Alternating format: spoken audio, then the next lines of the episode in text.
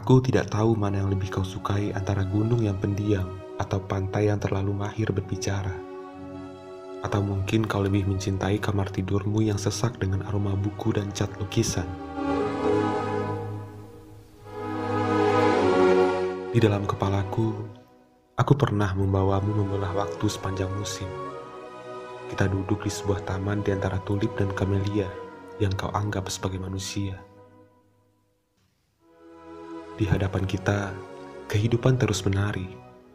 Udara bersenang hati menemani burung-burung yang sedang pergi bermigrasi.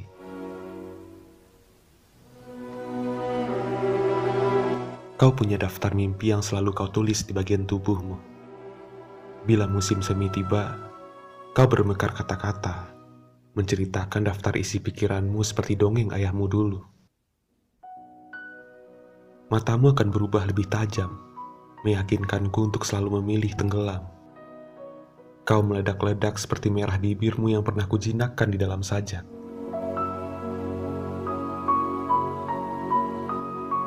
Pukul 12, aku akan mengajakmu ke tempat di mana seseorang yang lain di dalam tubuhku biasa menuangkan waktu ke dalam gelasnya.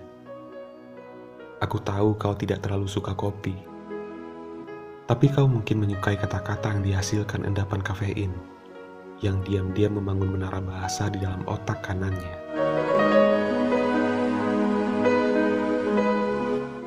Sore telah tiba tanpa butuh persetujuan dari kita. Langit adalah perasaan dari perkara yang susah untuk diterka. Seperti ketika kau menjulurkan kedua telapak tanganmu, satu-satunya bagian tubuhmu yang tak kau tulisi dengan mimpi dan harapan. Aku kemudian tak kuasa menahan ratapan seseorang di dalam tubuhku karena dia benci hal-hal yang tak mampu ia berikan di musim ini dan di musim yang lain.